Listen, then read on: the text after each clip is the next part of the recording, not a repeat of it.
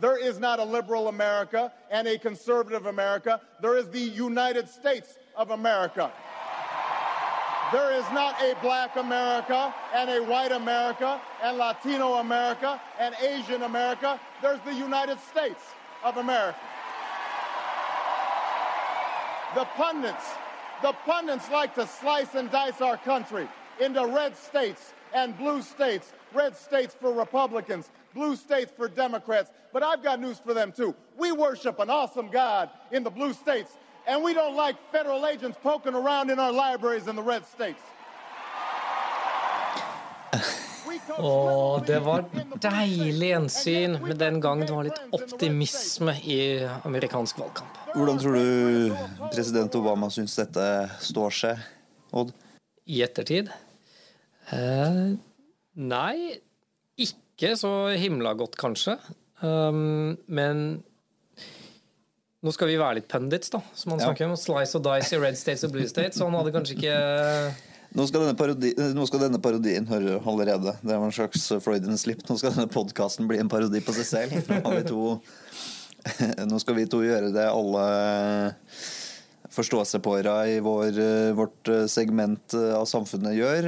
Vi skal vise at vi òg er Amerika-eksperter, USA-eksperter. Vi skal mene litt om ja, skal si, ikke høstens vakreste eventyr, for det kan det vel ikke kalles, men høstens store politiske event for, for nerds, er det ikke så, Odd?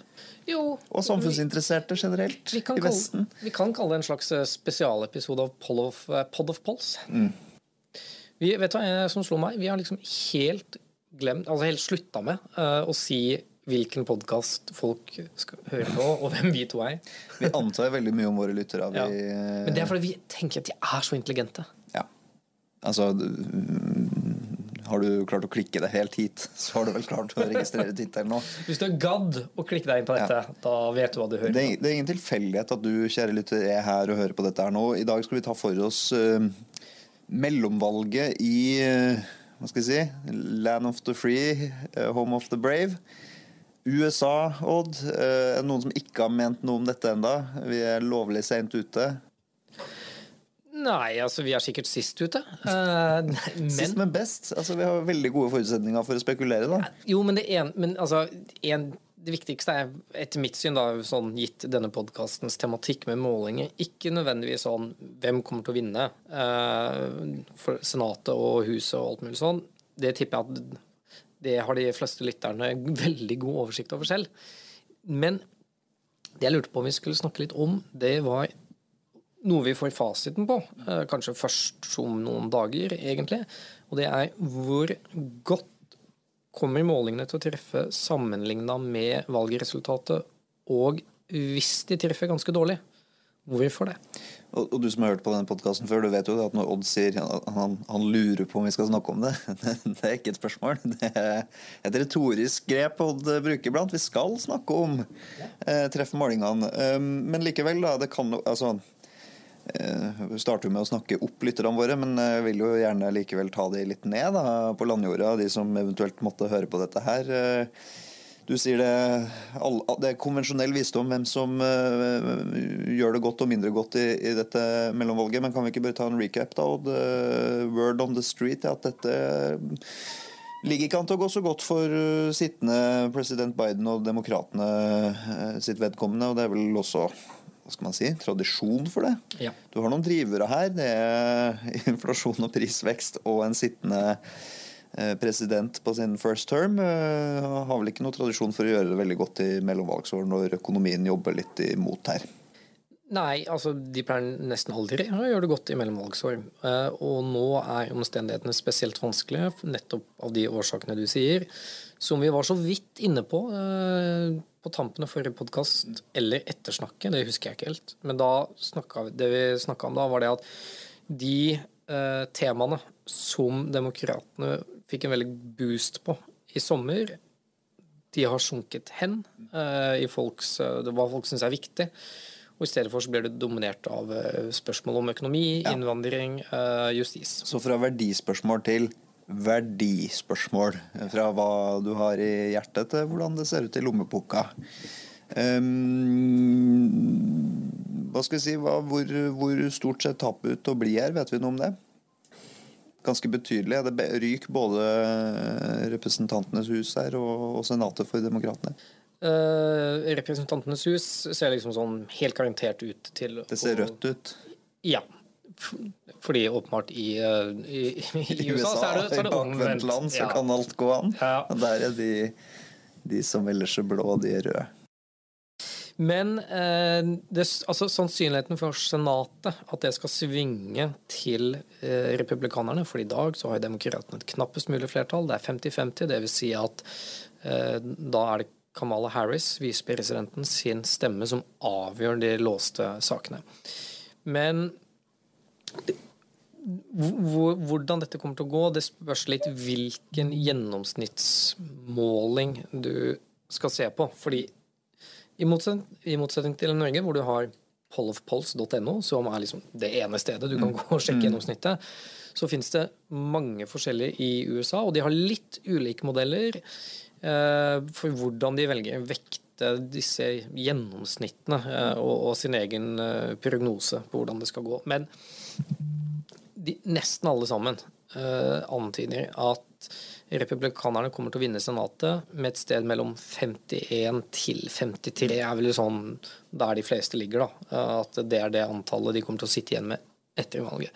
Så det er at de plukker opp tre seter i snitt. Eh, men de kan nøye seg med å plukke opp eh, ett eller to, og så har de likevel flertall. Men for de interessante lyttere, eh, mange har fått med seg at USA er et ganske sånn politisert land på litt andre måter enn en Norge, kanskje.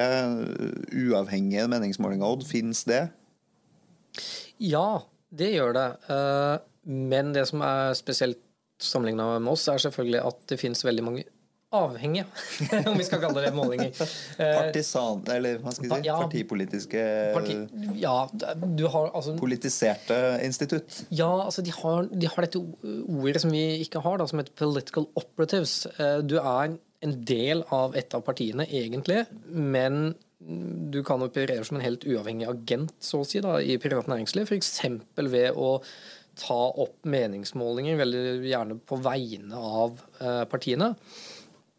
Og alle som eh, er litt interessert i målinger, vet at det er jo fullt mulig å lag, tilpasse en meningsmåling, sånn at du kan få litt det resultatet du vil. Spørsmål kan ikke alt, trenger alltid være like nøytralt vekta, kanskje? Nei, ikke sant. Push-polling er jo et kjent fenomen, eh, og det kan man gjøre på en veldig, eh, en veldig pushete måte. Eller du kan gjøre det litt sånn indirekte pushete.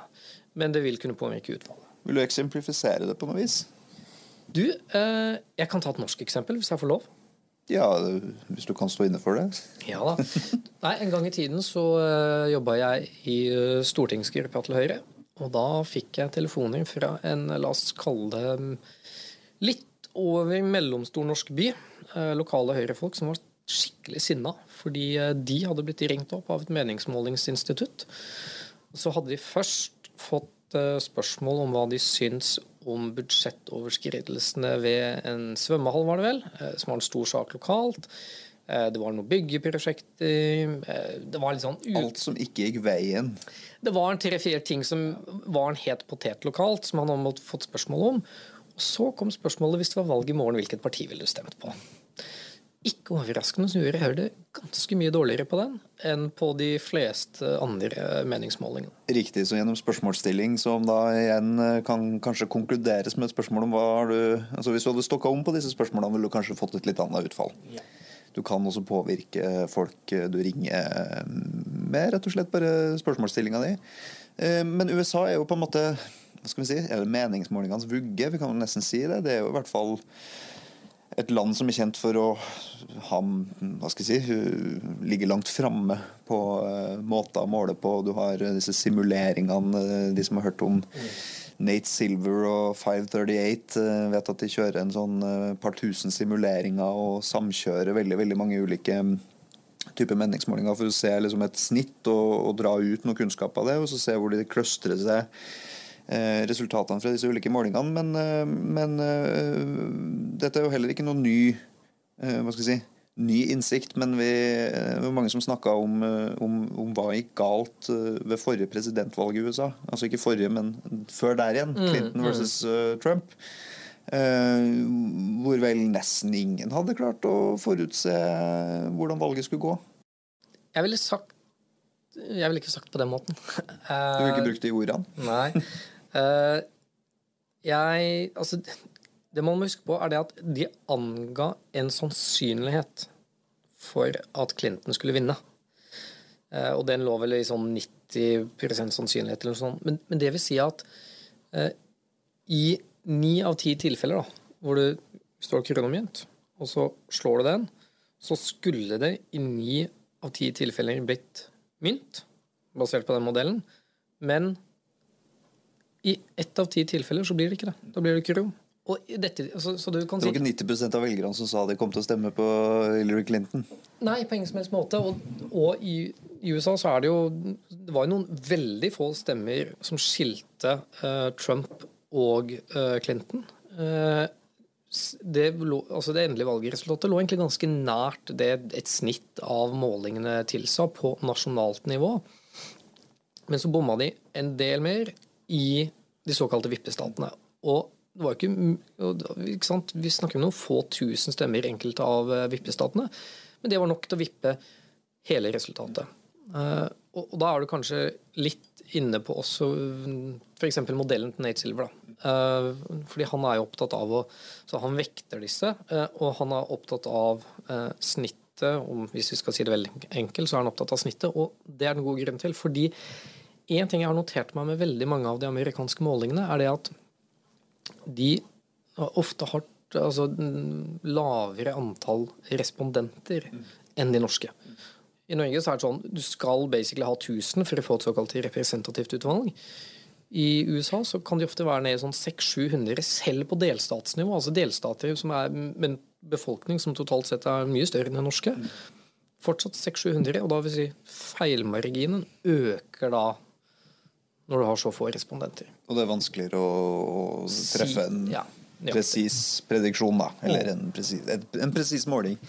Men, uh, men uh, hva skal jeg si, det var litt sånn uh, Jeg tror kanskje i hvert fall oppfatninga generelt, da, etterlatt inntrykk etter, etter Trump-seieren kom overraskende på. Det var vel kanskje litt sånn ikke alle som forsto helt hvor landet lå, eh, bokstavelig talt. Eh, hvor USA var på vei hen etter, eh, etter åtte år med, med, demokratisk styre.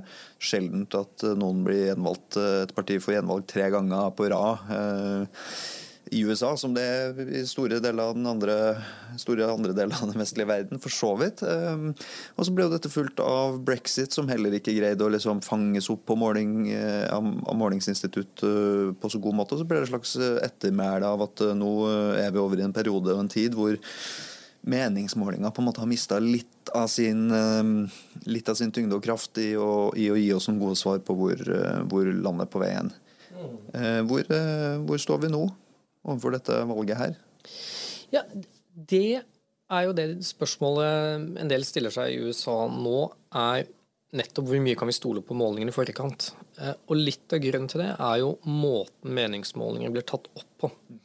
Fordi veldig mange av de er jo basert på systemet med å ringe til folk. Eh, noen tilfeller så er det kun landlines, altså fasttelefon.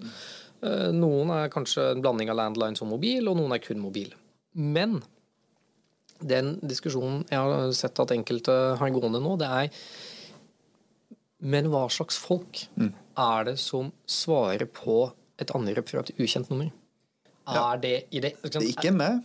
Nei, ikke sant. Er det et, eh, er det et eh, representativt utvalg? Uh, altså, I Norge så er det sånn at uh, hvis du rett før en regjeringsdannelse, hvis et ukjent nummer ringer deg, så løper, da løper du fritt av telefonen.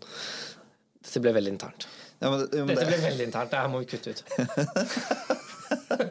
okay, ukjent nummer, det betyr at uh, det er den uh, Da er det statsministeren uh, to be som ringer deg for å spørre om du vil bli statsråd eller statssekretær.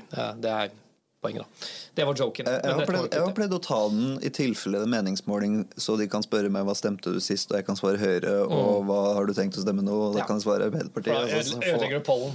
Ødelegger pollen litt. Ja. Det går an, eh, men det gjør vel eh, de færreste. Men ja, hvem, hvem tar den telefonen? Det har jeg hørt også flere diskusjoner. Jeg hadde lyst til å si søsterpodkasten vår, eh, Pod Save America. Det, det er det på, på ingen måte. Men For de som kjenner den podkasten, diskuterte litt dette rundt uh, uh, generasjon Z, uh, som den kalles. det er vel Ja, jeg vet ikke hvem som tilhører den. Jeg tror vi er en del av generasjon Y. Eller er vi en del av generasjon Z? Ja. Jeg er gammel, er jeg ikke den? Unge millennials, i hvert fall, og, og turnout blant de. Mm. Og, og, rett og slett også litt på grunn av akkurat det du sier, Hvem er det som tar telefonen fra ukjente nummer? Mm. sånn hvem er samvittighetsfulle og plukke opp røret, bokstavelig talt? da, ikke sant? Også hvis du har fasttelefon og meningsmålinga foregår på den, eh, den biten her. Også hørt liksom konvensjonell visdom rundt når du ringer på dagen. ikke sant? Ja. Hvem er som er hjemme? Eh, hvis du ringer på fasttelefon i et eh, i en gitt geografi midt på dagen, hvem er det som eh, da plukker opp røret? Ja. Og hvilken representativitet gir det, da? Og, og det kan gi helt ville utslag, eller?